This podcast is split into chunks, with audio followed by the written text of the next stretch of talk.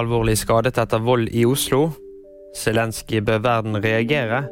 Og konkurrenter tror Haaland knuser rekord. En mann er sendt til sykehus med alvorlige, men ikke livstruende skader etter en voldshendelse i Storgata i Oslo. Politiet opplyser om at det er en mann i 40-årene, og at han ble funnet liggende på gaten med stikkskader i overkroppen. Ingen er foreløpig pågrepet i saken. Zelenskyj sier verden må reagere for å stoppe atomtrusselen. Det sier den ukrainske presidenten i et intervju med BBC. Han sier russiske myndigheter har begynt å forberede folk på mulig bruk av atomvåpen, men at han ikke tror Russland er klare til å ta dem i bruk. Konkurrenter gir opp Haaland. Westham-spiss Michael Antonio tror Erling Braut Haaland vil ta rekorden for flest mål i en sesong noen gang. Jeg sier 45 skåringer, og det er et minimum. Det sier Antonio i en BBC-podkast med Newcastle-spiss Callum Wilson.